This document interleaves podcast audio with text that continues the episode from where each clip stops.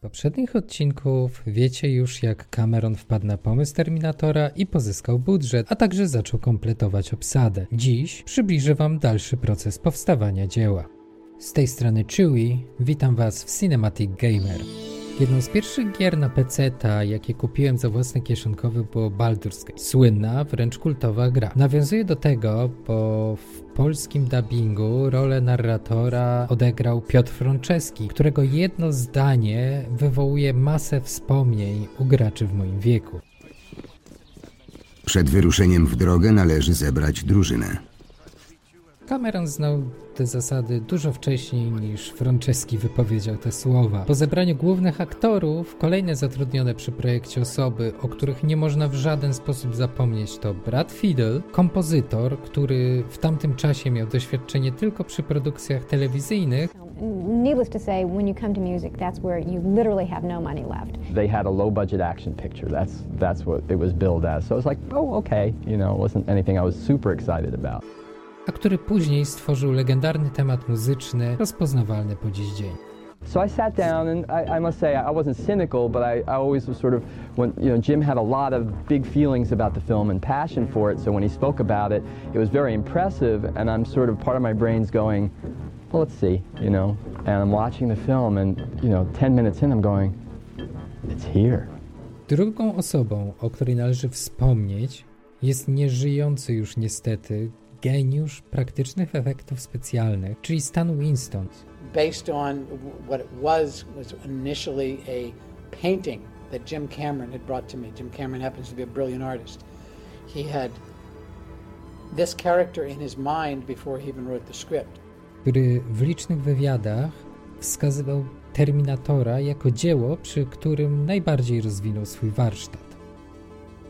A huge breakthrough in my career and a certain methodology of technology and the beginning of a growth cycle of what we can do and what we can't do or what we should push ourselves to do came from all of these precursors and it was the first Terminator.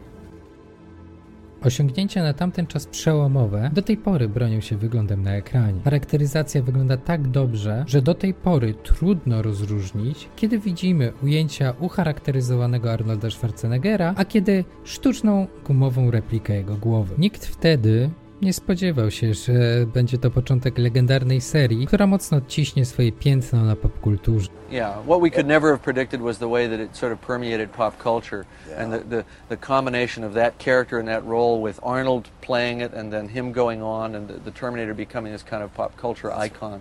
That was that's impossible to predict. Nikt też nie spodziewał się, że James Cameron zostanie nazwany wizjonerem kina i chyba można to śmiało powiedzieć najbardziej kasowym reżyserem w historii.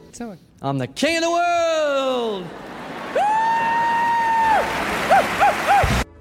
Cała historia przedstawiona w pierwszym Terminatorze jest bardzo prosta, a to co wyróżnia to przede wszystkim realizacja. W przyszłości system wojskowy obrony Skynet po uzyskaniu samoświadomości buntuje się przeciwko ludzkości. Całość akcji odbywa się w latach 80. i od samego początku jesteśmy rzucani w wir wydarzeń, dowiadując się o co tak naprawdę chodzi z retrospekcji opowieści Kyla Risa. Film był niemałym sukcesem zarówno artystycznym, jak i komercyjnym. Nic dziwnego więc, że otworzył Jamesowi Cameronowi drogę do wielkiej kariery i zaprowadził na stołek reżyserski drugiej części kultowego Obcego. Aliens.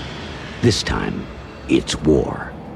W 1991 roku James Cameron wypuścił do kin drugą część filmu o podtytule Dzień Sądu, która w pełni ugruntowała jego pozycję w historii kina.